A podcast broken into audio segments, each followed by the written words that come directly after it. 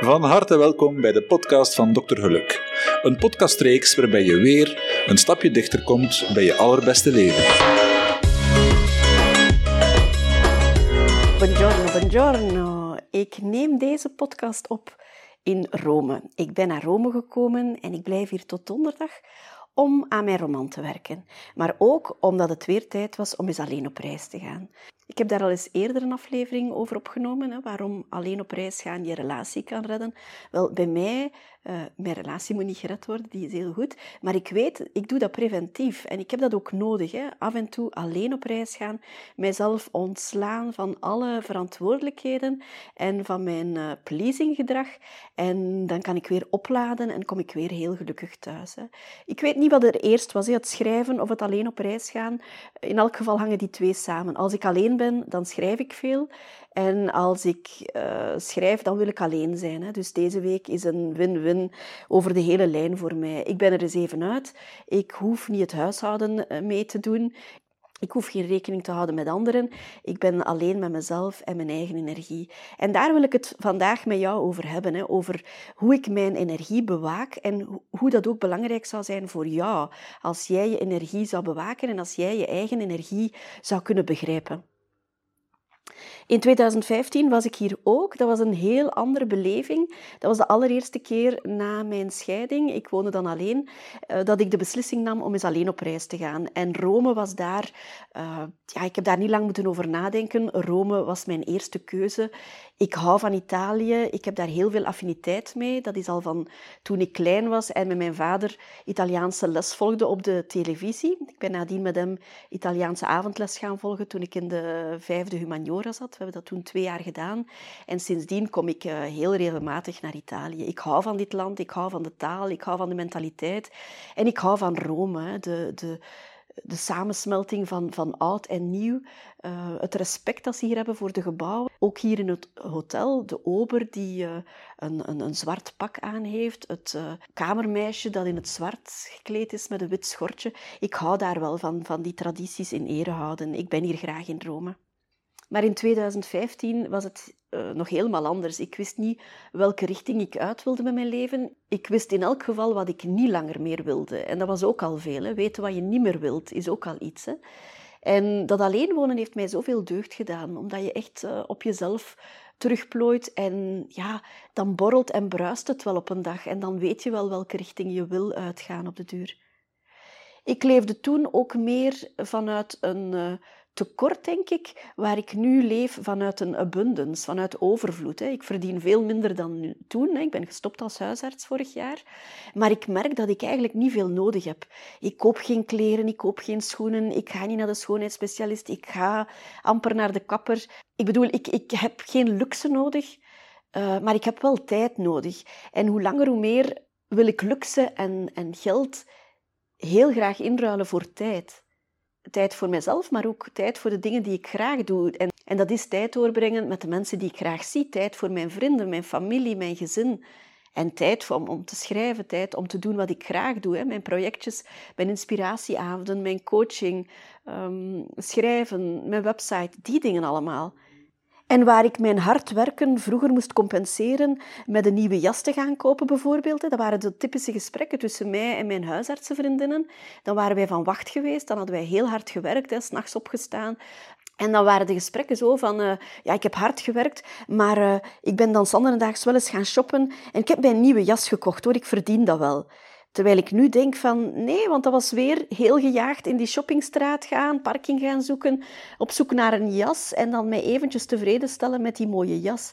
Terwijl ik nu weet, dat maakt mij niet gelukkig. Want dat houdt het ook in stand. Je levensstandaard moet aangehouden worden en dan blijf je in die, in die rat race zitten. Hè? En nu geniet ik gewoon van, van niks te doen, van gewoon in de tuin te zitten kijken of van te gaan wandelen met de hond of gewoon van wat langer tijd te nemen om samen te eten of om samen te gaan kamperen. Een uitstapje doen, daar haal ik mijn energie uit, daar haal ik mijn vreugde uit. Dus ik heb eigenlijk veel minder geld nodig om gelukkig te zijn nu. Ik ben gestopt in oktober, half september, oktober, ben ik gestopt met de huisartsenpraktijk. En mijn bedoeling was om uh, volop aan mijn roman te gaan verder werken. Nu, dat is deels geluk, maar deels ook niet. En waarom niet? Ik kan thuis die focus niet houden. Ik moet op verplaatsing zijn en dat had ik niet meteen door. Maar ik moet op verplaatsing gaan om mijn focus te kunnen behouden. Thuis word ik afgeleid door uh, ja, afspraken die ertussen komen, door het huishouden. Door het huishouden door, um, ja, er is altijd wel een vaatwasser die moet leeggemaakt worden. Er is altijd wel iemand die moet afgehaald of gebracht worden. Uh, er moeten boodschappen gedaan worden. Dus die focus kan ik daar niet behouden. Ik kan wel in de flow geraken, maar ik kan er niet in blijven omdat de dagelijkse sleur mij uit die flow haalt. En als ik op verplaatsing ben, dan heb ik de tijd aan mezelf en dan beslis ik zelf wat ik met mijn tijd doe. En dat is alleen maar schrijven en ontspannen. Ik kies zelf wanneer ik tussendoor ga wandelen. Ik kies zelf uh, wanneer ik ga eten. Ik voel wanneer ik honger heb. Ik ga zwemmen tussendoor. Ik ga op terrasjes zitten om mensen te bekijken en inspiratie op te doen. Maar thuis lukt dat niet. Hè. Thuis gaat het altijd maar in blokjes van een aantal uur. En dan word ik gestoord of dan stoor ik mijzelf wel op de een of andere manier. Dus ik ben sinds oktober nu vijf keer weg geweest om te gaan schrijven. Hè. Aanvankelijk in Zeeland, in het huisje van mijn vriendin. Maar door haar scheiding is dat huisje verkocht, jammer genoeg. En er woont nu trouwens een uh, Nederlandse schrijfkoppel in. Hè. Hoe toevallig is dat? Nadien ben ik nog een paar keer naar Spanje geweest. Heb ik een ticket geboekt naar uh, Malaga. En ben ik daar op hotel gaan schrijven. Ook heel fijn. Maar nu wou ik zeker naar Rome komen. Omdat een stukje van mijn boek zich hier afspeelt. En ik wou, ik wou dat hier voelen. Bovendien is dat hier een leuke stad. Hè. Is dat hier een stad naar mijn hart. Maar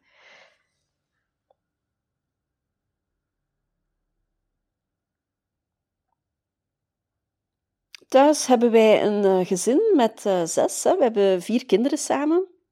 Dat is pittig, dat is heel leuk, dat is heel intens. En gelukkig hebben wij daar ook de afwisseling van het co-ouderschap. De ene week zijn de kinderen van mijn lief daar, de andere week is mijn dochter er. In het weekend zijn ze ofwel samen, ofwel is er niemand van de kinderen. En ook dat weekend hebben wij nodig voor onze relatie. Dat is gewoon een en al opladen voor onze relatie. Wij hebben dan niks in onze weg. Wij kunnen de camper nemen en gaan kamperen naar de Ardennen. We gaan iets eten, we gaan wat langer wandelen. En dat doet gewoon zoveel deugd vooraleer de drukte er terug aankomt.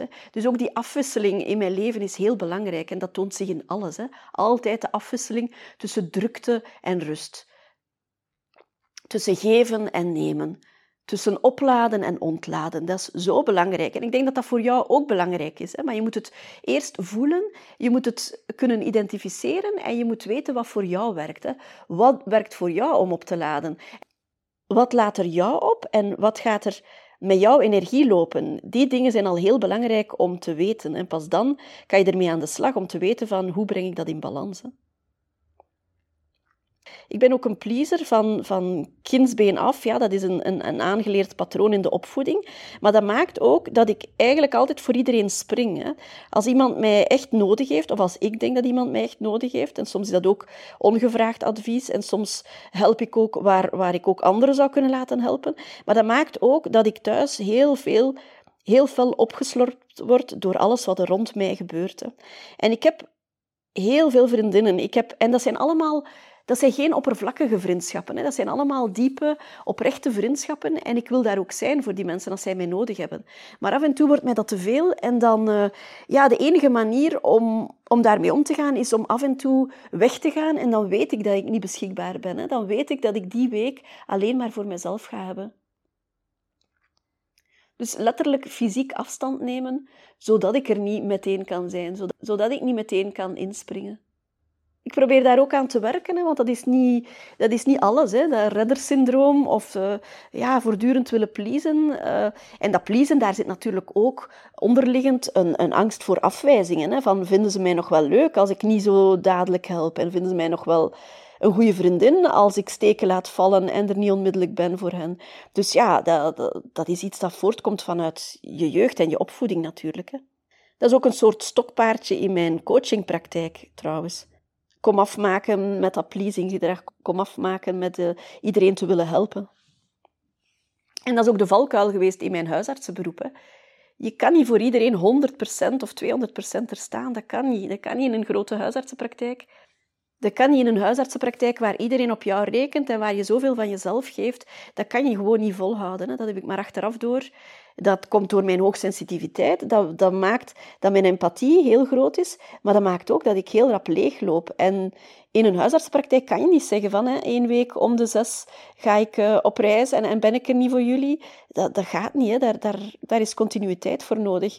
En je werkt ook met een collega die, die daar ook rekening moet mee houden en die, die ook rekent op jou. Dus als jij ook een pleaser bent, hou rekening met het feit dat je heel veel meer oplaadtijd nodig hebt tussendoor. Hè. Dat het voor jou zeker belangrijk is om af en toe alleen te zijn, om af en toe rust in te bouwen en om af en toe je grenzen aan te geven en te zeggen van nu ben ik er niet voor iemand anders. Hè. Als ik alleen ben, dan verwacht niemand iets van mij. Zelfs gewoon rekening houden met de ander om te vragen wanneer zullen we eten, legt de verantwoordelijkheid bij jezelf om, om te zorgen dat de ander het goed heeft met jou op vakantie. Als je alleen op reis bent, dan hoef je dat niet te doen. Hè?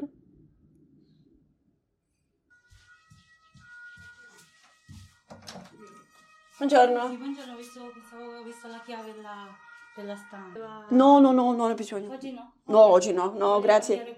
Sto lavorando qui, ma sono arrivata ieri. Allora, non è... Grazie, ciao.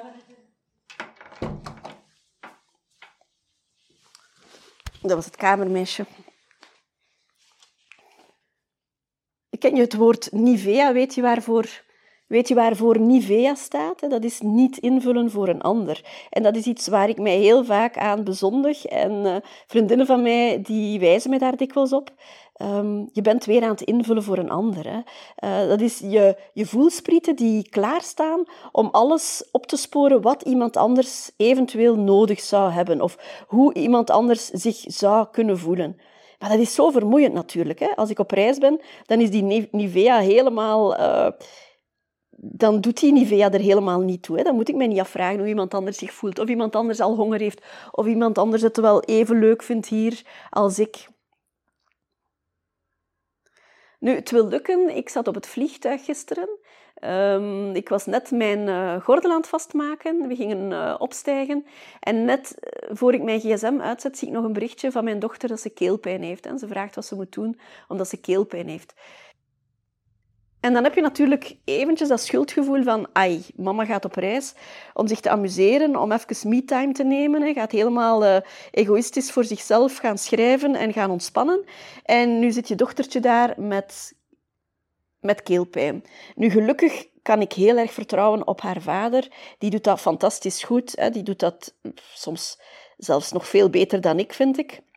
Omdat hij nog veel meer met zijn aandacht bij haar is dan, dan ik dat kan zijn. Ik ben heel dikwijls met, met andere dingen nog bezig. Um, hij is ook veel rustiger met haar. En het stelt mij gerust dan dat hij het ook wel goed zal aanpakken. Maar toch is er ergens een stemmetje dat zegt van... Saskia, zou je niet beter nu zelf voor je eigen dochter gaan zorgen? Hè? En gelukkig is het dan maar keelpijn. En gelukkig kan ik dan nog sturen wat ze moet nemen. Of hoe ze zich moet verzorgen. Hè? Maar toch, het is, het is altijd wel wat dubbel. Hè? En er zit zo'n cyclus in. Hè. Na zes weken dan voel ik weer dat het kriebelt. En dan voel ik weer van het is tijd om erop uit te trekken. Hè. Want ik voel dat ik overprikkeld geraak. Ik voel dat ik de sleur van het huishouden als een sleur begin aan te voelen. Hè. En ik haat het. Ik haat sleur. En ik haat het als de dingen routine worden. Hè. Ik, ik wil in alles nog de verwondering blijven zien. En ik wil altijd het gevoel hebben dat het toch wel iets of wel leuk blijft. En saaiheid en sleur, dat is iets dat mij zo uitholt en dat mij zo leeg maakt. Dus ik wil dat niet. En ik wil dat preventief tegengaan door daar zelf altijd kleur in te brengen. Hè. In, een, in een gewone maandag, in een gewone dinsdag. Maar er, er moet altijd zoiets ja, iets moois in zitten. Er moet altijd zo wat kleur aangebracht worden. En je kan dat natuurlijk zelf doen. Hè. En dat doe ik dan ook, hè, door om de zes weken ongeveer weg te gaan. En waarom dan eh, juist deze week? Want dat lijkt toevallig, maar dat is het niet. Deze week heb ik dan echt wel gepland, want ik moet dat op voorhand dan wel wat plannen. Dat is een week waar ik niet voor Johanna zorg, waar zij bij haar vader is. Dat is een week waar ik weet dat mijn lief, zijn mama, kan inspringen voor de kinderen van mijn lief. Dat zij beschikbaar is om te koken en om af te halen en, en, en, en te brengen. Dat is ook een week waar ik dan geen coachinggesprekken op de kalender zet, waar ik geen inspiratieavonden hou en waar ik ook niet afspreek met vrienden. Maar vooral, dat is een week, dat is meestal ook de slechtste week van de maand. Hè. Heel veel vrouwen hebben daar last van, heel veel vrouwen hebben daar ook geen last van. Maar ik ben zo iemand die heel veel last heeft van die ene week in de maand waar ik hormonaal op mijn dieptepunt zit. Dat is een week waar ik veel minder energie heb, waar ik veel meer behoefte heb aan slaap, waar ik niet zo creatief ben, maar eerder zo wat stilval en de lopende dingen verder zet. Maar waar ik heel snel geprikkeld ben ook. Dezelfde prikkels kunnen mij in andere weken veel minder raken, maar in die ene week ben ik veel gevoeliger, ben ik veel rapper emotioneel en ben, ben ik eh, toch wat onrustiger dan in die andere weken. En dan heb ik liever ook dat niemand anders daar last van heeft. Dus in die week plan ik dan ook mijn, mijn weekje weg. En dit is zo'n week. Toevallig is het vandaag ook nieuwe maan. Hè. Je kan het allemaal onnozel vinden en je kan het allemaal eh, dikke kwatsch vinden. Maar een paar jaar geleden ben ik begonnen met het volgen van de maancycli. Ik had dat ergens gelezen. Ik woonde toen alleen en ik dacht, waarom niet? Ik heb tijd, ik ga dat ook eens doen. Ik heb daar een paar boeken over gelezen. Ik heb dat dan ook uh, gevolgd via Instagram. En wat wil dat zeggen? Dat wil zeggen dat je met elke nieuwe maan, dus om de vier weken is er een nieuwe maan, die maan is dan niet te zien, Um, dat je dan eigenlijk je intenties klaarzet voor de komende maand. Hè. Wat wil je? Wat wil je zeker wel doen? Wat wil je zeker niet meer doen? Hoe wil je zijn? En wat zijn je projecten? Waar wil je zeker aan werken? En hoe wil je je gedragen de komende maand? Hè? En dan schrijf je dat op. Je doet daar een ritueeltje bij al of niet. Maar je zet eigenlijk je intenties klaar, een soort agenda voor de komende maand. Hè. En twee weken nadien is het dan volle maan. En ja, dat is de maan die je dan buiten ziet staan natuurlijk. Dat is dan het moment om eigenlijk alles los te laten. Om te zeggen van, kijk, ik heb het nu in de wereld gestuurd. Ik heb het nu in, de, in het universum gestuurd. En we gaan zien wat er van komt. Hè. Ik laat los als het niet goed is voor mij, als het niet juist zou zijn, als het niet komt naar mij. Dan laat ik het gewoon los. Ik ga me daar ook niet tegen verzetten. Ik laat ook los wat er niet goed gaat in mijn leven. En we zien wel. En dat is eigenlijk een, een, een proces van plannen en dromen maken en dan ook weer loslaten en uh, geen weerstand hebben. En dat is iets wat mij heel veel helpt. Hè. Ik doe dat nu niet meer, of toch niet meer zo consequent. Uh, dat is eigenlijk al bijna een soort automatisme geworden. Hè. Nieuwe maan, volle maan, nieuwe maan, volle maan. Ik weet dat ik dicht bij mezelf moet blijven. Ik weet waar ik voor sta. Ik weet wat ik wil. En ik leef daarnaar. Hè. En ik weet ook dat ik dingen moet loslaten, dat ik me daar niet krampachtig mag aan vasthouden. Ik weet ook dat weerstand dat dat alleen maar met meer energie gaat lopen. Dus dat is eigenlijk quasi een automatisme geworden. En je kan nu denken, als je nu luistert naar mij, van wat is dat voor alternatief gedoe? Wat is dat voor zweverig gedoe? Wel, ik zal je zeggen, de laatste weken zit ik daar een beetje op te broeden, omdat ik die opmerking wel meer te horen krijg. Van, andere mensen die de behoefte hebben om daar kritiek op te geven of mij daarover aan te spreken. Of... Ik, ik ga je een voorbeeld geven.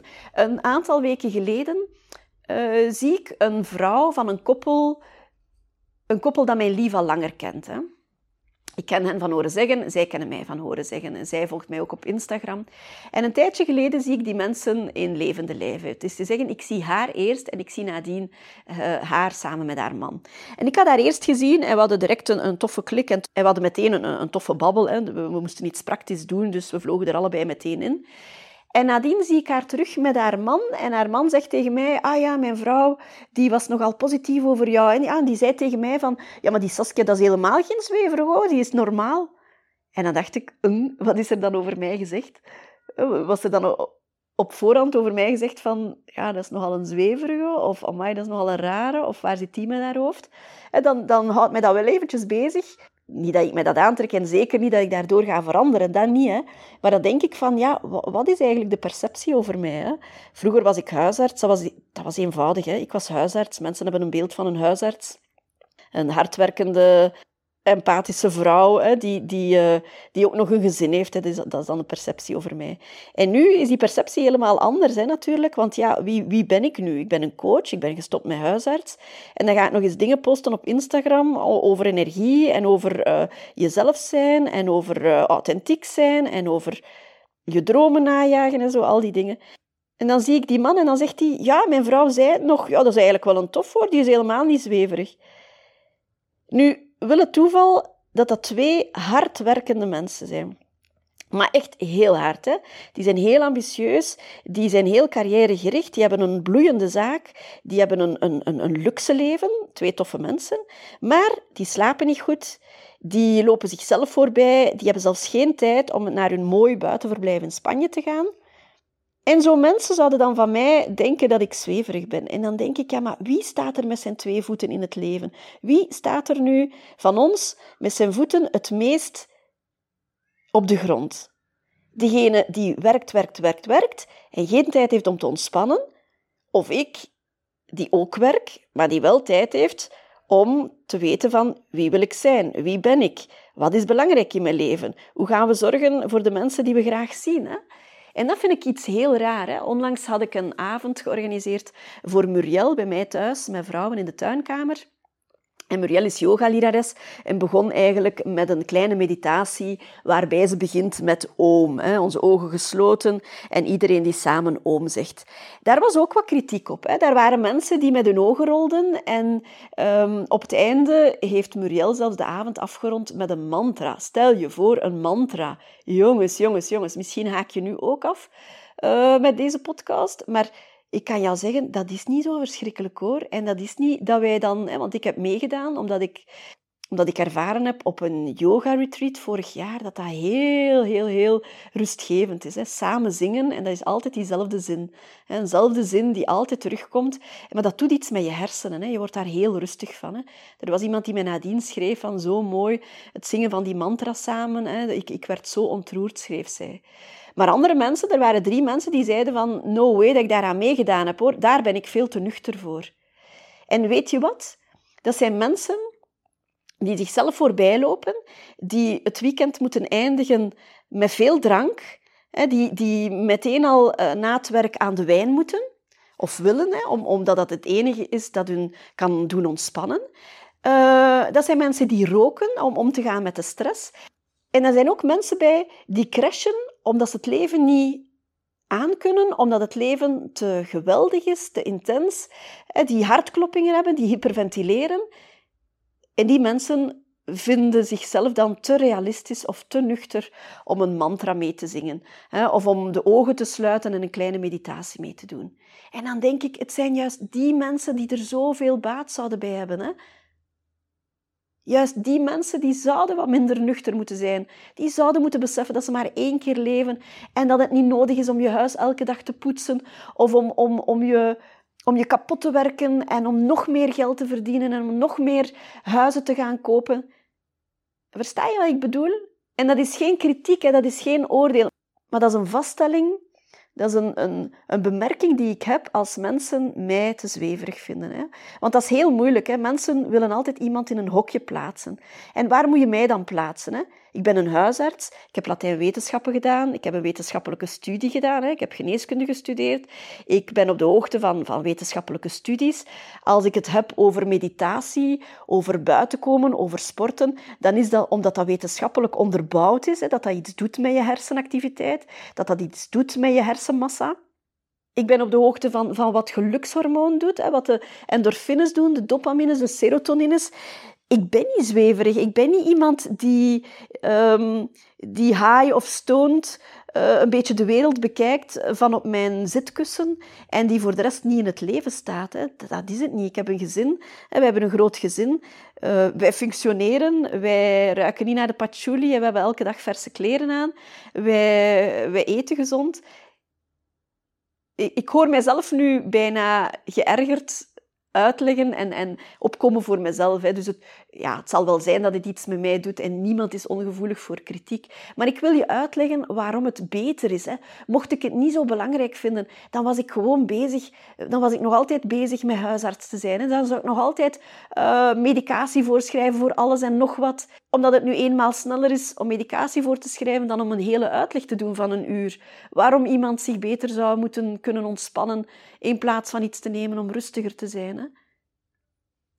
Weet je wat ik deed tijdens mijn huisartsenpraktijk? Dat was heel veel ziektebriefjes schrijven. Omdat mensen het leven niet aankunnen, omdat mensen veel te snel en veel te heftig leven, hun weekend volproppen en dan maandag moe en uitgeblust zijn om weer aan diezelfde job te beginnen die ze eigenlijk niet graag doen, maar ze nemen de tijd niet om te weten wat ze wel graag zouden doen of ze willen eh, of ze zitten vol angst om hun gouden kooi te verlaten, want ze hebben nu helemaal vastgehouden aan dat grote huis en aan die twee auto's en aan die skivakantie.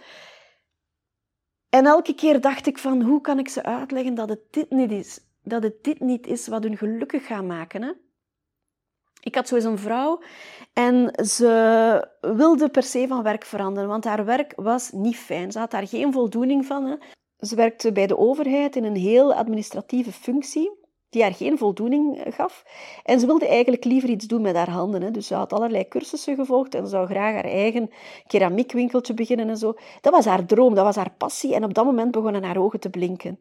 Maar, zei ze, ik ga nog een paar jaar volhouden, want ik wil een nieuwe keuken. Wij willen een nieuwe keuken in ons huis. Wat? Ga jij nog twee jaar tegen je zin die job doen die jou veel geld oplevert, omdat je verlangt naar die grote keuken? En wat ga je dan doen twee jaar lang? Tegen je zin optrekken, thuis slechtgezind rondlopen en dan een eventjes een fijn moment hebben als je je loon op je rekening ziet verschijnen? Misschien ben je tegen twee jaar zo uitgeblust dat je helemaal geen zin meer hebt om aan je droom te werken, dat je gewoon gecrashed bent en dat je gewoon van op nul moet beginnen om terug te leren hoe dat je aan je dag begint. Hè? Ik heb zo nog een voorbeeld. Dat was een patiënte met twee dochtertjes, twee kleine dochtertjes op dat moment. En zij werkte bij de post en zij ging in het weekend nog bijwerken. Zij werkte in het weekend nog bij in een winkel. En ze had zo weinig tijd en ze was oververmoeid. Maar ja, zei ze, ik zei, ja, maar waarom doe je dat dan? Waarom ga je op zaterdag nog werken als je twee kleine kindjes hebt? Ja, zei ze, ik heb mij nu eenmaal voorgenomen om de beste mama te zijn. En ik wil dat mijn kindjes merkkledij kunnen dragen. Dat is voor mij een bewijs dat ik mijn kindjes graag zie. Ik zei, maar meen je dat nu? Denk je nu echt dat je kindjes gelukkiger zijn als zij merkkledij kunnen dragen? Die kindjes waren toen, ik denk, vier en zes. Of denk je niet dat ze gelukkiger zouden zijn met een mama die op zaterdag en op zondag thuis is met hen, lekker voor hen kookt, met hen naar de speeltuin gaat, in plaats van weg is om geld te gaan verdienen voor die merkkledij? En natuurlijk, dat zal wel ergens vandaan komen. Hè? Misschien heeft die vrouw zelf uh, een soort schaamte overgehouden aan haar kindertijd, waar ze misschien niet zo mooi gekleed was of armoedig gekleed was. Ik weet het niet. En zit dat zo diep in haar hoofd van ik wil later voor mijn kinderen wel mooie kleren. En met haar loon van de post lukte dat dan niet. Dus moest ze wel bijklussen. Hè. Dat was ook een teken van liefde. Ik zeg niet dat ze haar kinderen niet graag zag. Hè. Maar ze had wel een blinde vlek van... Oké, ik doe ze dan wel op een andere manier tekort als ik er niet ben op zaterdag. En zo zijn er veel mensen met blinde vlekken, hè, die, die maar doordoen, doordoen, doordoen en niet stilstaan bij wat dat ze echt willen of bij wat dat echt belangrijk is. Laat staan dat ze doorhebben dat ze zichzelf aan het kapotwerken zijn en dat hun energie volledig weg is. Uh, energie die kan overblijven om, om gewoon leuke dingen te doen voor zichzelf en, en voor de mensen met wie ze samenleven.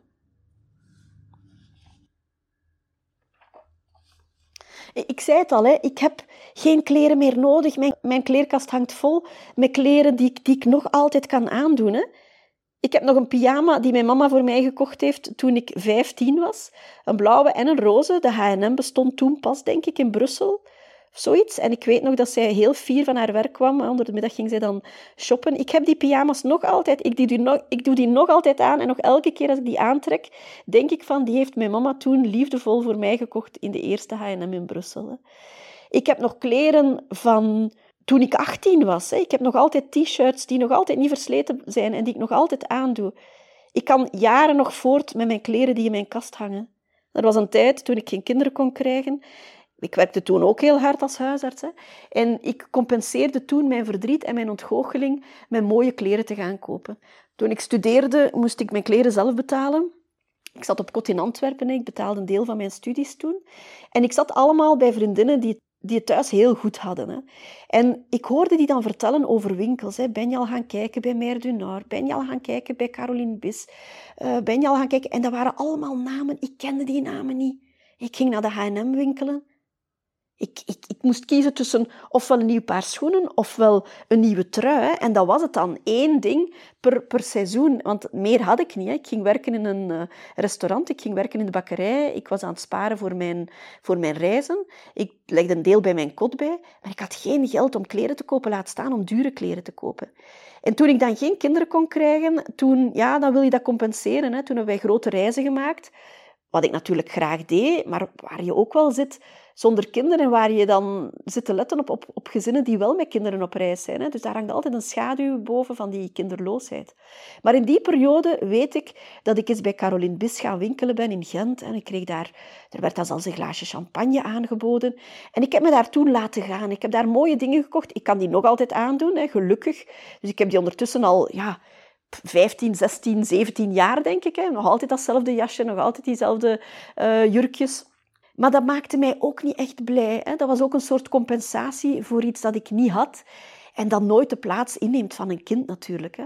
Maar om maar te zeggen, ik koop nu zelden nog kleren of schoenen. Hè. Ik kan voort met wat ik heb. En ik heb gewoon genoeg aan de tijd om, om, om, om dingen te doen. Ik ben hier nu, oké, en dit reisje heeft mij iets gekocht, maar ook weer niet zoveel. Hè. Ik kijk dan welke vluchten ik kan nemen, welke vluchten het voordeligste zijn. Ik weiger met Ryanair te vliegen, die zijn super goedkoop. Maar ik had ooit een patiënt, een, een piloot die bij Ryanair werkte, en die zei mij van nooit met Ryanair te vliegen. Hij zei, onze vliegtuigen worden niet onderhouden. Wij vliegen zoveel uren na elkaar zonder rustpauzes, dat het eigenlijk niet verantwoord is. En ik heb die woorden altijd onthouden. Is dat nog altijd van toepassing of niet? Ik weet het niet, maar ik kan het niet over mijn hart krijgen om te boeken bij Ryanair. Um, en dan zoek ik welke deals ik kan doen voor een hotel. Hè. Dan, dan, dan kijk ik wat mij qua ligging het voordeligste lijkt en, en waar ik dan een, een, een, korting kan doen. En ik zeg het, manifesteren helpt. Hè. Ik zei het al in een Instagram-post. Manifesteren, dat wil zeggen dat je iets voorstelt alsof het er al is. Dat je eigenlijk vraagt aan het universum, voilà, daar ga ik weer, zweverig gedoe voor de criticasters, maar iets dat echt werkt voor mij en dat ik jou ook heel hard zou aanraden. Ik denk dat ik daar vroeg of laat ook een workshop ga over doen, live, uh, of een webinar ga overgeven, maar manifesteren is zo, zo fijn. En het werkt echt. Alles wat ik de laatste jaren gemanifesteerd heb, dat is tot bij mij gekomen. Dat is ongelooflijk. Dus ik heb mij voorgesteld, ik wil in Rome gaan schrijven. Maar ik wil dat op een plaats doen waar het groen is. Ik ga daar niet in een klein uh, appartementje, in een rijhuis, in een Ro Romeins straatje gaan zitten schrijven waar ik geen lucht en geen licht heb. Als het hier 37 graden is, ik wil buiten kunnen. Ik wil licht hebben, ik wil lucht hebben. Ik wil groen rond mij hebben. Uh, ik wil natuur rond mij hebben. En ik wil de couleur lokaal natuurlijk beleven. Dus ik wil op wandelafstand zijn van het centrum. En dan heb ik tot het laatste moment gewacht. Ik ging zondag vertrekken, ik ging zondagochtend vliegen. En ik heb gewacht tot zaterdagavond om mijn hotel te boeken. En ik dacht, er zal wel iets komen. Er gaat iets komen dat echt past bij wat ik echt wil. En ja, dat was ook zo. De dagen voordien kwam daar niks op booking.com. En op Airbnb zag ik ook niet echt iets dat volledig aan mijn verwachtingen voldeed. En ik dacht, ik ga wachten, ik ga wachten. Er gaat wel iets komen.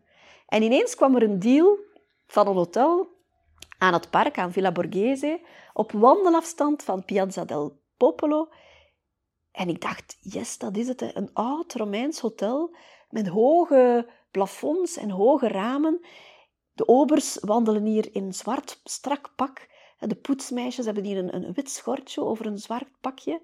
En de ontbijtzaal is zo echt de grandeur van die oude hotels. En mijn kamer is met donkerbruine lambriseringen, donkerbruine kasten. Ja, fantastisch. Echt hoe ik het mij had voorgesteld. En dat is dus manifesteren. Weten wat je wil en weten, denken alsof je het al hebt. En dan komt het naar je toe.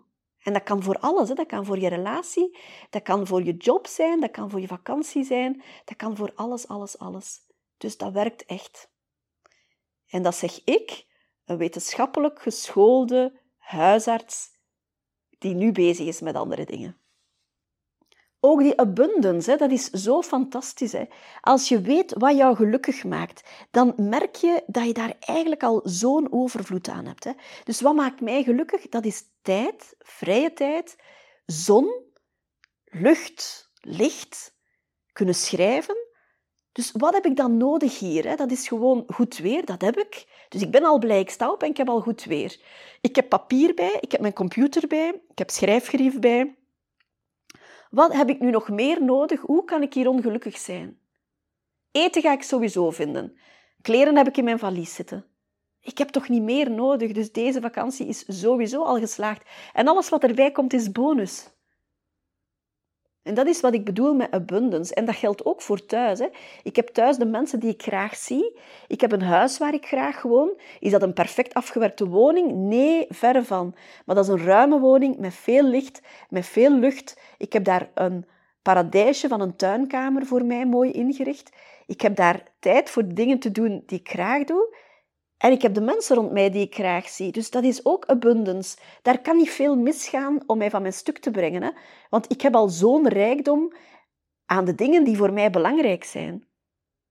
Stel nu dat rijkdom voor mij zou betekenen van ik wil een chic zwembad in mijn huis, ik wil een perfect afgewerkt huis, ik wil de mooiste kleren en ik wil de mooiste schoenen en ik wil dat elke week mijn haar mooi gekapt is en ik wil zeker elke maand bij de schoonheidsspecialist gaan en ik wil gelnagels en ja, dan leef ik natuurlijk in tekort, want dan moet ik niet anders doen dan al die dingen gaan verwezenlijken en dan, dan zit ik al in een heel drukke agenda om daar allemaal aan te, voldoen. Maar dat is niet mijn definitie van rijkdom. Dus ik heb dat allemaal niet nodig. Ik, ik, ik, heb daar ook geen, ik hoef daar dan ook geen tijd aan te besteden. Hè. Ik hoef niet om de zoveel weken met mijn nagels te gaan of naar de kapper te gaan of naar de schoonheidsspecialisten. Dus dat is een zee van tijd die voor mij vrijkomt. Ik hoef dat perfect afgewerkt huis niet. Dus ik hoef mijn energie niet te steken in op te zoeken uh, hoe we dat allemaal gaan vernieuwen en welke verver precies op de muur moet en welke salon we precies gaan kiezen. Nee, daar staat een salon van mijn lief, van in zijn huis. Er staat een salon van in mijn huis. Hè, die twee zetels zijn daar samengekomen in ons huis. Die zijn niet perfect, die zijn niet design, eh, die zijn zelfs niet heel proper. Want daar wordt al eens een kop koffie of een kop chocomelk in omgestoten. Dus dat is niet perfect. Maar ik ben daar gewoon gelukkig. Want de energie gaat naar waar ze nodig is, volgens mij. Dus ik ben hier in mijn slechtste week, dus de minst energieke week van de maand, zodanig dat niemand last heeft van mij, van mijn hormoonschommelingen, van mijn stemmingswisselingen, van mijn vlug geprikkeld zijn. Dus herken dat ook bij jezelf. Als je een vrouw bent en je hebt last van je hormonen, kijk eens na in je cyclus waar je het meeste last hebt. En communiceer dat ook aan de anderen. Ik heb dat ook uitgelegd. Hè. Voor ik ging samenwonen, heb ik aan mijn lief gezegd van kijk, één week op de maand ben ik niet zo het lieve, vrolijke, energieke, liefhebbende meisje. Hou daar rekening mee. Ik ga je dat ook op voorhand zeggen. En weet dat ik dan een minder versie van mezelf ben. Ik probeer mijn best te doen, maar sowieso gaat die week minder zijn dan de andere weken. Dat is ook iets dat bespreekbaar is bij ons. Als ik wel lastig uit de hoek kom, dan zegt mijn lief, oei, is het weer uh, jouw week die eraan komt? En dan, uh, ja, dan geef ik dat toe en dan houden we daar allebei rekening mee. Dat is ook een week waar ik zelden afspreek met vriendinnen. Omdat ik heb daar minder energie voor dan. Dat is sowieso iets dat minder leuk gaat zijn dan, uh, dan in de andere weken. Dus ik probeer dan op mezelf terug te plooien. Hè. Een rustige week te maken waar ik dan de administratie afwerk of waar ik dan meer in mijn dagboek ga schrijven of waar ik gewoon het knusje zou met mijn gezin. Uh, die dingen. Hè. Maar ik ga dan niet te veel op de agenda zetten. Dat werkt toch averechts. Dus je kan rekening houden met je eigen cyclus. Je kan rekening houden met de maancyclus. Hè. Leven naar het... Uh, het ritme van de nieuwe maan en de volle maan. Ik hou ook rekening met de dagen van de week. Bijvoorbeeld op maandagmorgen ga ik niet zoveel plannen. Hè. Dat weekend is voorbij. Zeker als wij een weekend hebben waar de vier kinderen er zijn, dan is die maandagochtend eerder om op te ruimen, om het huis weer fatsoenlijk te maken, om boodschappen te doen, om de planning op te maken voor de rest van de week. En dan ga ik niet zozeer geleefd worden van buitenaf, maar dan ga ik zelf de regie nemen over de rest van de week. Hè. In de namiddag, dan is er weer tijd voor actie. De vrijdagnamiddag bijvoorbeeld, dan ga ik eerder afspreken met iemand. Dan ga ik ook niet zozeer hard werken voor mezelf, maar dan ga ik zorgen dat ik misschien al eens ga lunchen met een vriendin of in de namiddag afspreek om iets leuks te doen hè, in, in aanloop naar het weekend. Woensdagavond is altijd vrij voor Johanna. Dat is een vaste dag, dan is zij altijd bij mij, ook in de week dat ze bij haar papa is. En op dinsdag is ze altijd bij haar papa, ook in de week als ze bij mij is. Dus die woensdagavond ga ik niet afspreken met vrienden. Iedereen weet dat al, woensdagavond is Johannaavond. Alleen bijvoorbeeld, zoals nu, zit ik in Rome, dan heb ik haar dat gevraagd, dan heb ik dat ook eh, besproken met haar papa, van is het oké? En Johanna geeft mij dan de toestemming, ik vraag het haar ook, ik zeg, zeg het mij eerlijk, als je mij nodig hebt, dan doe ik het niet. En dan is dat ook oké voor ons allebei. Kijk voor jezelf ook eens na, welke dagen van de week ben je het productiefst? Als jij weet dat je op vrijdagnamiddag weinig uitvoert, plan daar dan ook niet veel. Hè? Als jij weet dat je op maandagmorgen in gang moet komen, ja, begin dan maar te plannen vanaf, vanaf maandagmiddag. Als je weet dat je week te zwaar is, ga daar dan misschien halverwege de week een rustpunt in bouwen. Hè? Ik heb nooit gewerkt in de huisartsenpraktijk op woensdag. Mijn metekindje is geboren in 2006 en ik heb eh, vanaf haar geboorte voor haar elke woensdag voor haar gezorgd. Hè? Dan nadien is Johanna geboren en heb ik die dag gewoon verder gezegd. Woensdag was uh, Delfindag of woensdag was Johannadag. En dat brak mijn week in twee. Dat gaf mij de kans om, om op te laden en om, om eventjes te pauzeren en dan weer de week verder te zetten. Dus ja, een aanrader voor iedereen die kinderen heeft, maar ook voor mensen die geen kinderen hebben. Hè. Als je minder energie hebt om die hele week hard te werken, bouw daar dan een rustpunt in halverwege de week. Hè. Als jij vindt dat je fulltime werken niet kan combineren met het ouderschap, waarom zou je dat dan doen? Waarom overweeg je dan niet om halftijds te gaan werken? En waarom zou je dan niet vier vijfde gaan werken of je ouderschapsverlof um, opnemen? Daar is zoveel schaamte over. Hè? Dat is zo'n taboe. We worden verondersteld van hard te werken.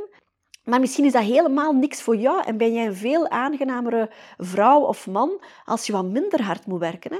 Ik ken huismannen die heel goed functioneren, die heel blij zijn en wiens gezin daar helemaal van mee profiteert, omdat het huishouden gedaan wordt, omdat er elke dag vers eten op tafel staat. En die mannen hebben geen probleem met hun ego of die voelen zich niet minder omdat ze huisman zijn en geen bloeiende carrière aan het opbouwen zijn. Dus kijk eens na wat bij jou zou passen.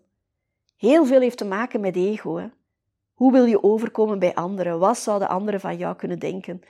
Ik heb mij nooit geschaamd omdat ik niet op woensdag werkte. En bij huisartsen is dat niet zo vanzelfsprekend uh, om, om een dagje vrij af te nemen. Hè. Bij de jongere huisartsen zie je dat meer en meer. Maar wij komen uit een tijd dat uh, zeker die oudere generaties, die werkte, die werkte dag en nacht en die werkte quasi zeven op zeven. Laat staan dat ik op een bijscholing uh, tegen een oudere huisarts moest bekennen dat ik niet op woensdag werk. Ja. En dan kan je dat niet doen en dan kan je ook heel hard gaan werken om erbij te horen. Maar waarom zou je dat doen als dat helemaal niet is wat dat bij jou past? Wat als jij nu een ochtendmens bent en s'avonds staat er nog van alles op de agenda? Doe dat dan niet. Ga dan zorgen dat je die avond wat leger maakt, dat je op tijd naar bed kan. Bespreek dat ook met je partner. Hè? Als jij s'morgens goed functioneert, dan kan jij misschien s'morgens al iets doen in het huishouden, waar de ander nog moet wakker worden. Als jij een ochtendmens bent, ja, dan moet je misschien s'avonds niet te laat gaan uitzitten als er iets te doen is. En dan is het misschien beter om op een feestje vlugger te vertrekken en nu eenmaal te bekennen dat jij een ochtendmens bent. Hè? Vorige week hadden wij een feestje. Muriel uit Mexico was gekomen. En, voor haar verjaardag was er een benefietconcert georganiseerd met een bandje uit uh, Latijns-Amerika, dat kwam optreden in Antwerpen. Ik zou taxichauffeur zijn hè, voor de vriendinnen. Maar ik ben, ik ben geen avondmens. Dus ik heb dat ook gecommuniceerd en gezegd van... Jongens, voor mij liefst niet te laat. En ik voel dat dan ook. Hè. Eens elf uur voorbij, dan val ik wat stil. Gelukkig hebben wij veel gelachen en gelukkig kon ik het langer uithouden. We zijn maar om één uur naar huis gereden. Hè. Maar dan nog, ja, Muriel zei, gaan we dan nog wat babbelen? En gaan we met drie in één bed slapen, zoals vroeger? En gaan we dan nog wat babbelen? En dan zei ik, ja, nee, dat kan ik niet. Ik val nu meteen als een blok in slaap. En ik wil morgen vroeg gerust nog verder babbelen, maar nu moet ik gaan slapen. Is dat zeutig? Goh, misschien wel. Maar waarom zou ik dat doen als ik daar niks aan heb en als ik dat helemaal niet fijn vind en als ik gewoon nood heb om te, om te slapen? Hè? En ik was morgens inderdaad als eerste wakker en ik ben s ochtends naar de bakker gegaan. En dan ben ik wel fit en zit ik wel als eerste aan de tafel. Maar s'avonds niet. Het is allemaal een kwestie van het herkennen van eerst weten, hè, ben ik een ochtendmens, ben ik een avondmens, wanneer op de dag functioneer ik het best. En dat dan ook aangeven en dan ook je grenzen aangeven. Hè. Want meestal weet je het wel ergens, Maar om daar dan nog rekening mee te houden, of om dat dan ook te zeggen aan anderen die daar dan rekening moeten mee houden, dat is dan soms een brug te ver voor velen. En dat is natuurlijk het voordeel van zelfstandige te zijn. Nu, het is te zeggen, ik was al zelfstandig, als huisarts was ik zelfstandig, maar je kan daar niet echt beschikken over je tijd. Hè. Die woensdag opeisen voor mezelf, dat was al heel wat. Maar uh, ja, voor de rest word je wel geleefd door de afspraken en, en de, door de consultaties en de huisbezoeken die op je agenda staan. Hè. En nu gaat dat veel beter. Ik kan nu beslissen om hoe laat ik het eerste coachinggesprek zet. Ik kan nu beslissen hoeveel coachinggesprekken ik op een dag zet. Als er een dag is die ik wil vrijhouden om met mijn vader naar het ziekenhuis te gaan, dan, dan neem ik die voormiddag of die namiddag ook vrij. En dan, dan plan ik daar niks. Als ik voel dat wat veel geweest is, als ik voel dat ik twee inspiratieavonden op een week gehad heb, dan ga ik misschien standaardaags wat later beginnen hè, met coachinggesprekken. Als ik weet dat er een drukke periode aankomt, dan ga ik misschien op voorhand zorgen dat er genoeg boodschappen gedaan worden, dat alles klaar staat in de frigo, of dat er al wat eten in de diepvriezer zit. Dus alles staat of valt met je planning. Hè? Met, met eerst je, met jezelf herkennen en ten tweede met dan te gaan plannen. Eerst weten van hoe zit ik in elkaar, wat werkt voor mij, wat werkt niet voor mij, en daar dan je planning en je agenda op afstemmen. Hè? Maar doe dat nu eens voor jezelf. Neem daar eens een half uurtje voor en kijk eens na. Hoe zou je je maand plannen? Hoe zou je je week plannen? Hoe zou je je dag plannen? En kijk eens na voor jezelf, wat werkt er dan? Kan jij een hele maand op hetzelfde niveau presteren of zijn daar schommelingen in? Heb jij last van je hormonen? Bij mannen is dat misschien minder, maar mannen hebben misschien ook nood aan een oplaadperiode als ze hard werken. Of als het wat druk geweest is met de kinderen of met examens van de kinderen, of ze hebben projecten lopen. Misschien ja, heb je als man ook wel nood aan zo'n oplaadperiode of aan een rustpauze. Dus kijk wat werkt doorheen de maand. Kijk wat werkt naar vakanties toe bijvoorbeeld. Zijn je vakanties goed gepland? Of heb jij bijvoorbeeld in de winter eerder eens nood aan een weekje weggaan of een weekje gewoon thuis niks doen? Hè? Mijn lief bijvoorbeeld, die is zot van de bergen.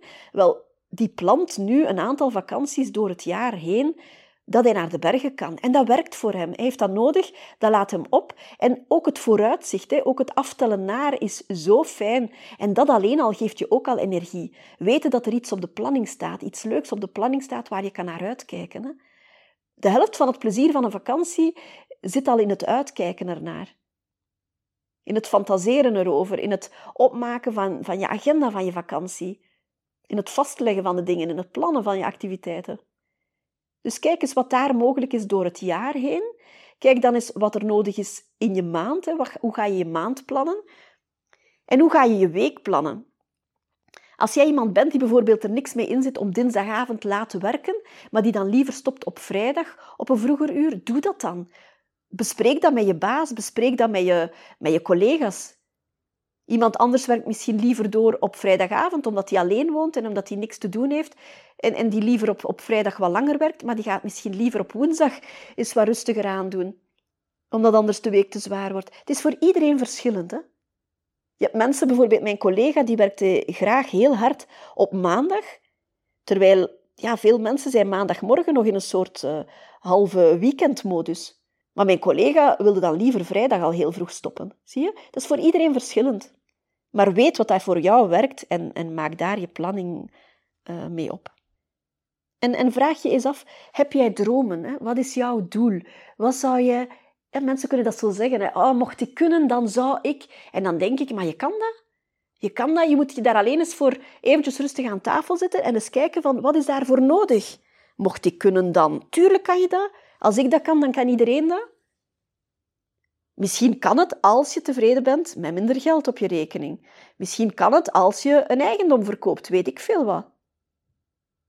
Sommige mensen hoorde ik zeggen, ja, ik heb geen geld daarvoor. Terwijl ik wist dat ze bijvoorbeeld drie huizen hadden. Dan denk ik, tuurlijk heb je geld, je moet gewoon een appartement verkopen. Sommige mensen voelen zich zo verantwoordelijk voor hun job, terwijl iedereen vervangbaar is. Ik ken veel mensen die zoveel geld op hun rekening hebben, maar die daar niks mee doen. Die gewoon verder werken, verder werken, verder werken, tot ze hun pensioen niet halen, omdat ze voordien een hartinfarct krijgen of een hersenbloeding. En dan hebben ze heel hun leven hard gewerkt om ooit, ooit, ooit van een zalig pensioen te genieten. Hou daar geen rekening mee met dat pensioen. Het is nu dat je leeft. Je weet niet hoe het allemaal gaat lopen. Leef niet in de toekomst, leef in het nu. Wat niet wil zeggen dat je naar een droom kan toewerken. Hè? Maar een droom, een droom die haalbaar is en, en ook er naartoe werken op een plezante manier. Het moet ook nu, vandaag fijn blijven. Hè? Wat is jouw droom? Wat zou jij graag doen? Wat zou jouw ideale leven zijn? En werk daar naartoe. Hè? En dat betekent soms dat je voor de dromen van later, de dromen van morgen, dat je de dromen van vandaag even moet opbergen. Hè? Als ik een roman wil schrijven, maar ik wil het feestje deze week met de Ibiza-meisjes niet, niet missen, ja, dan moet ik thuis blijven, hè, maar dan gaat er van dat boek niet veel komen. Hè? Tuurlijk ga je die bijeenkomst missen en tuurlijk gaat dat fijn zijn. Tuurlijk gaan die lachen en plezier hebben. En ik ga daar niet bij zijn. Maar ik ben ondertussen aan een andere droom aan het werken en dat maakt mij dan wel blij. Heel veel mensen zijn op zoek naar kortstondig plezier, hè? kortstondige ontspanning, terwijl je misschien sommige dingen moet opgeven als je het anders wil. Er is zo iemand die zegt, ik weet niet meer precies wie het zegt, en die zegt als je niet één jaar je huidige levensstandaard kan opgeven om je droom te bereiken, dan ga je, dan ga je het nooit kunnen. Dan ga je je droom nooit kunnen bereiken. Dat wil zeggen, soms moet je opofferingen doen nu om later het leven te hebben dat je wil. Hè. En die later, stel dat niet uit tot na je pensioen. Hè. Dat kan al haalbaar zijn binnen afzienbare tijd. Hè. Als ik aan het werken ben aan mijn boek, dat is haalbaar. Hè. Dat is niet een droom die, die ik vooruitschuif en er niks mee doe om, om later eventjes te hopen dat, die, dat dat boek daar vanzelf ligt. Zo werkt het niet. Hè. Dus als je mij ziet op Instagram of op Facebook en je denkt dat ik het heel, heel druk heb en je vraagt je af van hoe ik dat eigenlijk allemaal doe, weet dan dat ik tussendoor oplaad, dat ik tussendoor pauzes neem, dat ik mijn week plan, dat ik mijn oplaadperiodes plan, uh, maar dat ik wel gericht bezig ben. Ik verdoe mijn tijd niet meer naar tv te kijken. Als wij eens naar tv kijken, dan is dat heel gericht. Hè. Dan hebben wij afgesproken van nu gaan we naar dat programma of naar die documentaire of naar die film kijken. Hè. Maar dat gebeurt zelden. Ik ben bezig met andere dingen. Hè. En, en, en tuurlijk lijkt het of ik dan veel doe. Maar kijk eens na, hoeveel uren heb jij al op Netflix doorgebracht? Hoeveel uren kijk jij s'avonds naar tv? Ik deed dat vroeger ook. Hè. Het nieuws begon. Ik zat om zeven uur in de zetel als ik op tijd thuis was van mijn werk, of in het weekend bijvoorbeeld. Om zeven uur keek ik naar het nieuws en ik bleef liggen in die zetel. En ik keek naar tv tot ik om tien uur dertig naar mijn bed ging. Maar reken eens uit hoeveel uren dat op een week zijn. Dat is meer dan drie uur per dag dat ik voor tv lag. Hè? Dus dat waren minstens twintig uur per week dat ik niks anders deed. Nu doe ik dat niet meer, ik kijk niet meer naar tv. Dus dat zijn allemaal uren die ik gewonnen heb. Dat is toch ongelooflijk? Ik lees ook geen kranten meer. In het weekend las ik de weekendkrant. Soms twee weekendkranten. Ja, ik doe dat niet meer. Um, dat slorpt veel van mijn energie op. Het, is meestal slecht nieuws. Uh, meestal maakte ik me dan mee zorgen over alles wat ik las. En uiteindelijk, ja, wat er aan de andere kant van de wereld gebeurt, ik kan daar niet veel aan doen. Hè. Maar ik, ik, ik nam wel die negatieve energie mee in, in de loop van de dag. Dus ik doe dat niet meer. Ik luister naar het radiojournaal. Ik hoop dat ik daar de hoofdpunten meekrijg. En ik hoor wel van de andere mensen wat er leeft. Maar ook daar weer win ik enorm veel tijd. Hè. En ik heb me daar een tijdje ongemakkelijk bij gevoeld. Want ik, was, ik was eigenlijk een, een nieuwsfreak. Hè. Ik wou elk journaal zien. Is te zeggen, ik wou het journaal van zeven uur zien, maar dikwijls keek ik ook nog eens naar het laatavondjournaal, als dat niet te laat was, om te kijken of, of er in die tussentijd nog niet iets gebeurd was wat ik niet wou missen. Ik wilde ook de krant lezen, hè, bij voorkeur de standaard, omdat ik wist dat ik dan zeker een, een, een goed beeld zou hebben van de uh, wereld realiteit. Dat, dat is natuurlijk niet zo. Maar ik win daar heel veel tijd mee. Dus als ik iets doe, is het heel gericht en draagt het bij tot mijn doelen en tot mijn dromen. Als ik luier, is het ook productief. Dan is het luiertijd om op te laden om nadien weer actief te zijn. Als ik lees, dan lees ik om er iets mee te doen. Het zij voor mijn boek, het zij voor mijn cursussen, het zij voor mijn uh, coachings. Het zij voor de inspiratieavonden. Dus alles heeft wel een doel. Hè? En als het geen doel heeft, dan is het doel op zich om te rusten. Goh, en dan ben ik weer over mezelf aan het vertellen. Hè? Maar het is de bedoeling dat je kan zien hoe het anders kan. Hè. Er zijn ook andere mensen die mij geïnspireerd hebben. Hadden die niks verteld over hun eigen leven, dan had ik het ook niet geweten. Of dan had ik ook met mijn blinde vlekken blijven zitten. En dan had ik ook niet gezien dat het ook voor mij mogelijk is. Als zij het kan, dan kan ik het ook. Als hij het kan, dan kan ik het ook. Dat is ook mijn motto. Hè. Perfectly imperfect. Het hoeft niet perfect te zijn. Ik heb gisteren een filmpje opgenomen. Ik heb dat op Instagram gezwierd. Dat is niet mooi. Ik zie er moe uit. Ik heb wallen onder mijn ogen. Ik heb mezelf gefilmd in profiel. Ik heb geen mooie neus. Dat is geen mooi filmpje. Maar ik wilde een boodschap overbrengen. Ik wilde vertellen dat ik ooit ook aan die andere kant stond. Hè. De kant waar de stress overheerste, de kant waar ik niet zo gelukkig was, omdat het niet het leven was dat ik wilde leiden. Dus ik wil dan die boodschap overbrengen. En ja, dat is dan met een filmpje dat niet perfect is, dat niet mooi gestyled is, zonder filter, met een kromme neus, met wallen onder mijn ogen. Maar daar draait het ook niet om. En als je daar kritiek op hebt, so what? Het gaat om mijn boodschap. Hè? En het feit dat je dan zou al te veel letten op mijn kromme neus, ja, dat is teken dat je niks bent met mijn boodschap. En dan is dat filmpje ook zeker niet voor jou bedoeld, zie je? En dat is misschien de grootste les dat ik het laatste jaar geleerd heb. Dat is, het is niet belangrijk wat je van mij denkt omdat ik gewoon content ben met mezelf. En dat is iets wat ik vroeger niet had. En dan raakte die kritiek mij, omdat het... Ja, ik geloofde het zelf ook, hè, die kritiek. Als iemand zei dat ik niet goed bezig was, als iemand zei dat ik te druk bezig was, dat raakte mij. Tuurlijk raakte mij dat, want ik wilde niet druk bezig zijn. Ik wilde bezig zijn met andere dingen die ik liever zou doen. Terwijl als nu iemand kritiek heeft, ja, ik heb daar zelf zoveel over nagedacht van, is dit het? Wil ik het zo? Wil ik het anders? Dus als jij daar nu kritiek op hebt, dat raakt mij niet, want ik weet dat dit is wat werkt voor mij en dat dit het leven is dat ik wel wil. Als jij vindt dat ik te veel op reis ga, ja, misschien is er dan ergens in jou een verlangen om dat ook te doen. Misschien vind je dat het raar is dat ik mijn gezin achterlaat of mijn lief achterlaat alweer voor een week. Ja, misschien is er ergens in jou een stemmetje dat zegt van ik zou dat ook wel willen, maar ik durf het niet. Ik durf dat thuis niet zeggen om eens alleen op reis te gaan. Zie je? Als het jou prikkelt, als het jou ergert, dan is het teken dat het jou ergens iets doet en dat er ergens in jou een verlangen zit waaraan niet voldaan wordt. Hè? Dus ga eens na voor jezelf. Houd dit steek wat ik allemaal zeg? Word je daar ambetant van, dan, dan moet je er misschien iets mee doen. Hè? Of misschien denk je van, ik heb ook zo'n leven, fijn, ik herken het. Ook fijn natuurlijk. Geef me dan maar nog meer tips, hè, want ik wil heel graag van jou ook horen hoe het anders kan. Tuurlijk heb ik nog altijd blinde vlekken. En tuurlijk mag je mij daarop wijzen. Hè? Maar de hoofdlijnen zitten goed. Het, het frame, het, het fundament van mijn leven zit goed. En dat zou ik willen dat dat voor jou ook zo is. Je hoeft niet zo hard te werken, je hoeft niet fulltime te werken. Je hebt waarschijnlijk genoeg spaargeld. Je hebt waarschijnlijk, zelfs als je geen spaargeld hebt, heb je nog altijd genoeg om te leven. Misschien kan je verminderen op sommige gebieden. Hè? Als jij nu eens meer met de fiets zou gaan werken, dan hoef je die dure benzine of die dure diesel niet te betalen. Er zijn zoveel mogelijkheden waar jij ook plezier vindt en plezier dat gratis is, dat niks kost ook daar zou ik graag met jou aan de slag gaan. Zo'n zo workshop en, en kijken van oké, waar kan het minder? Welke uitgavenposten kan jij verminderen?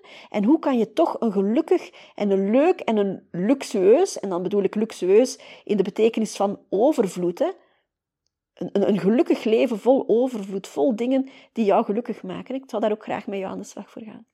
Ja, eerst en vooral is er de inspiratieavond op 14 juni en op 16 juni. Daar zijn nog enkele plaatsen voor. Je kan je daarvoor inschrijven op www.doktergeluk.com. We gaan daar aan de slag rond stress. Ik leer je tips, ik geef je oefeningen. Ehm, we gaan leren hoe je met stress kan omgaan op de momenten dat het jou overvalt, maar ook preventief. Hè? Hoe kan je zorgen dat de stress niet toeslaat en wat kan je doen als de stress er al is? Dus als dat jou interesseert, schrijf je dan zeker in. Er zijn uh, plaatsen voor maandag, er zijn plaatsen voor donderdag. Hè? Dat is de laatste inspiratieavond voor het groot verlof. En de volgende is dan pas in september. Dus www.doktergeluk.com voor de inspiratieavonden. Als je een coachinggesprek bij mij wil, dan moet het nog in de maand juni zijn, want in juli en augustus neem ik geen nieuwe coaches aan. Dan is het pas voor september terug. Je vindt mij ook op Instagram, je vindt mij op Facebook. Als je hier bemerkingen over hebt, dan hoor ik het heel graag. Ik ga graag met jou in dialoog. Ik hoor graag als jij eh, goede tips voor mij hebt of als je kritiek hebt, dan mag je me dat ook zeggen. En als jij iets aan mijn podcast hebt, mag ik dan vragen om je te abonneren en om me een review te geven of om een sterren te geven. Dan stijg ik in de ranking en dan uh, kunnen meer en meer mensen mijn podcast beluisteren. Als je er iets aan hebt, deel hem met je vrienden, met je familie, met je kennissen. Zo wordt mijn podcast bekender en zo kan ik nog meer mensen inspireren. Want hoe meer mensen een gelukkig leven leiden, hoe mooier jouw leven ook wordt. Ik ben er volgende week terug. Intussen hoop ik dat je overal de kleine gelukjes blijft zien, dat je beseft wat voor een gelukzak je wel bent en dat je zo ongemerkt een betere versie van jezelf wordt. Tot volgende keer.